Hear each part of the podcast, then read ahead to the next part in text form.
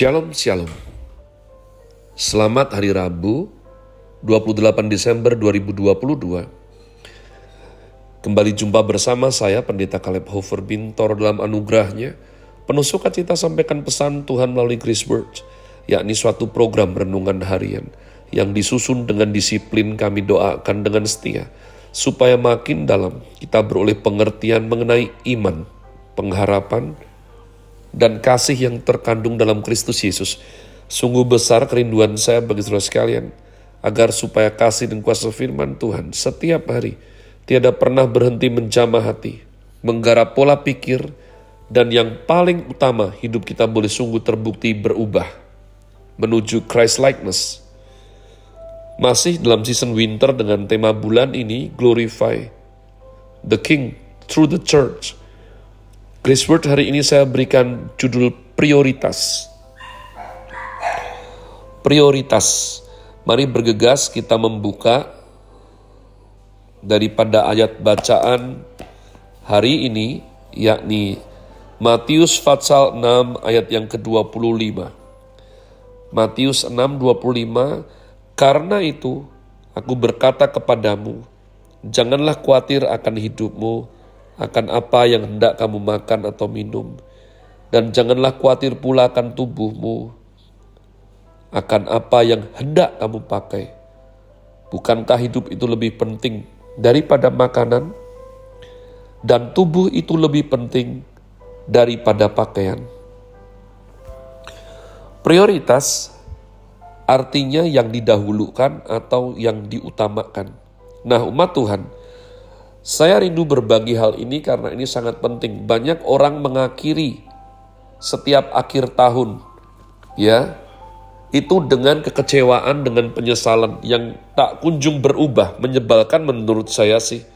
Karena berulang-ulang-ulang-ulang terus dia itu kecewa, nyesel, tapi tidak ada perubahan juga cara kerja, cara hidup, cara menjalin relasi. Selalu seperti itu terus Nah, salah satu kebodohan yang berulang-ulang adalah tidak mengerti prioritas. Sudah dikasih tahu, juga tak kunjung mau belajar. Ciri orang yang dewasa adalah sadar akan prioritas. Orang yang umur seberapapun, kalau tidak sadar prioritas kekanak-kanaan. Ya, kalau memang umurnya masih kanak-kanak, tentu tidak masalah. Yang masalah adalah kalau usianya sudah di usia dewasa, tapi kekanak-kanaan. Nah ini yang menjadi sumber konflik umat Tuhan. Maka orang dewasa selalu bertindak dan memutuskan pilihan berdasarkan prioritas. Dapat menentukan skala prioritas yang benar dalam kehidupan. Akan menentukan keberhasilan atau kualitas hidup sebagai seorang manusia. Memang prioritas seorang dengan yang lain pasti berbeda-beda. Ada orang yang mementingkan membeli mobil daripada membeli rumah. Mobilnya bagus, tapi rumahnya masih kontrak. Ya, ada itu. Atau rumahnya sederhana sekali. Ada orang yang mengutamakan makan enak daripada makan sehat. Ada orang yang mengutamakan membeli baju daripada membeli buku.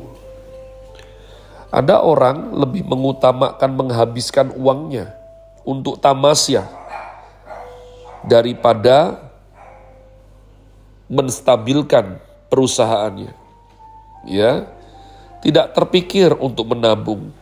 Bahkan berani bertamasya walau harus berhutang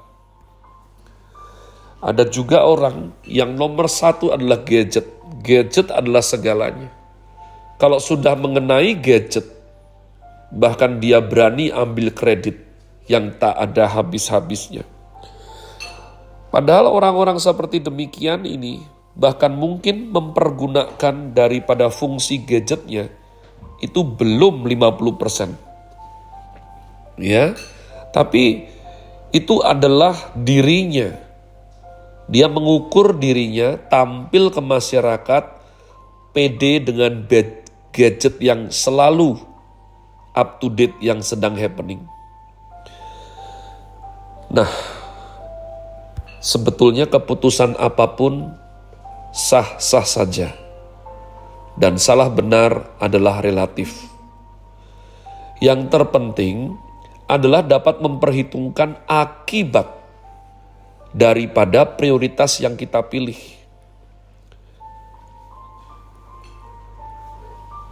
Karena setiap pilihan mengandung akibat yang akan kita tuai di kemudian hari. Maka saya tengarai, semakin dewasa seseorang, semakin bijaksana ia menentukan skala prioritas. Bahkan orang yang dewasa akan memasukkan pertimbangan-pertimbangan di dalam pertimbangan sebelum memutuskan adalah nilai-nilai kebenaran. Jadi dia memasukkan nilai-nilai kebenaran dalam memutuskan pilihannya. Ada pepatah mengatakan, berakit-rakit dahulu, berenang-renang ke tepian. Bersakit-sakit dahulu, bersenang-senang kemudian. Artinya jika ingin mendapatkan keberhasilan dan kesenangan di kemudian hari, harus berani bersusah payah terlebih dahulu. Keadaan ini adalah keharusan. Mama saya sering kali mengutip ini. Ya, saya sampai bosan, tapi saya bersyukur mama saya tidak menyerah mendidik saya. Apa jadinya kalau saya sukanya bersenang-senang dahulu, bersakit-sakit kemudian? Saya bersyukur di tengah-tengah segala kelemahan kenakalan saya.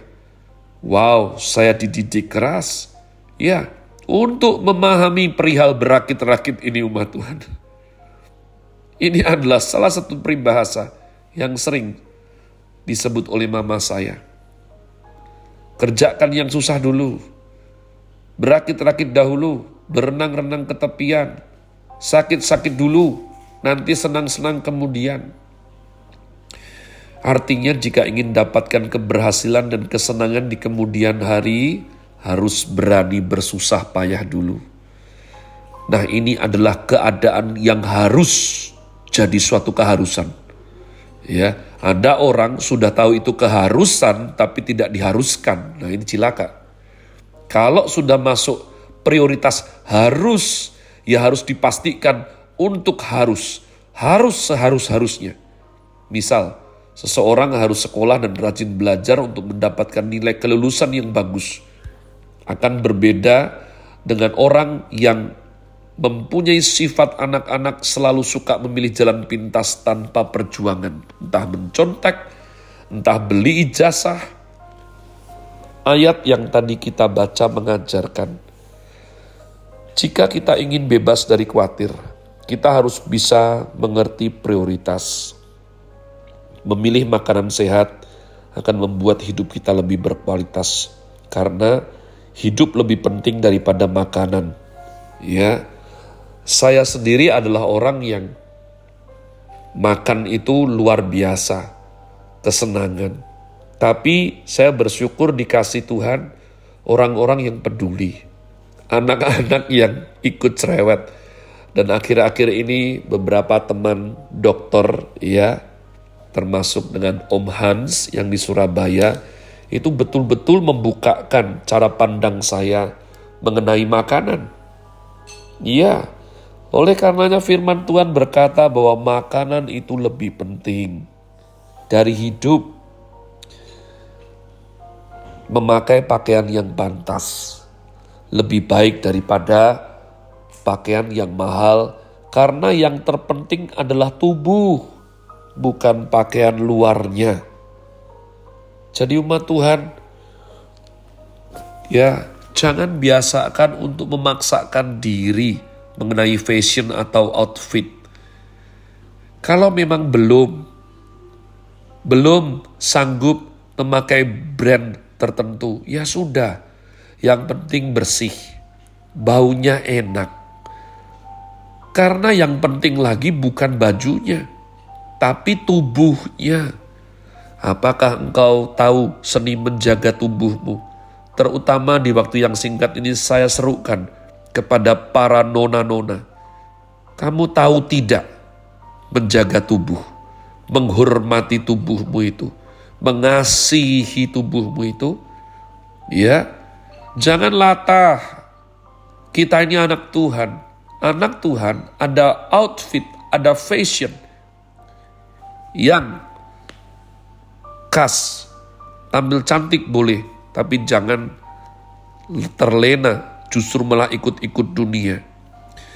Ketika kita pandai pilih prioritas berdasarkan skala kepentingan, bukan hanya kesenangan, apalagi trending topik, maka kita akan merdeka dari akibat-akibat buruk di kemudian hari. Kita dibebaskan dari rasa khawatir akan hidup ini jadi umat Tuhan, belajarlah sebelum akhir tahun dan masuk tahun yang baru. Belajar skala prioritas Anda. Jangan hanya ikuti keputusan orang lain karena kondisi orang itu berbeda-beda. Jangan. Bagaimana kita menyusun menata prioritas adalah bagaimana kita mengerti firman Tuhan dan mengerti kehendak isi hati Tuhan. Jika engkau piawai memutuskan prioritas yang benar. Itu artinya congratulation. Anda menjadi orang dewasa yang bertanggung jawab dan membangun suatu hidup yang berkualitas. Have a nice day. Tuhan Yesus memberkati saudara sekalian. Sola. Grazie.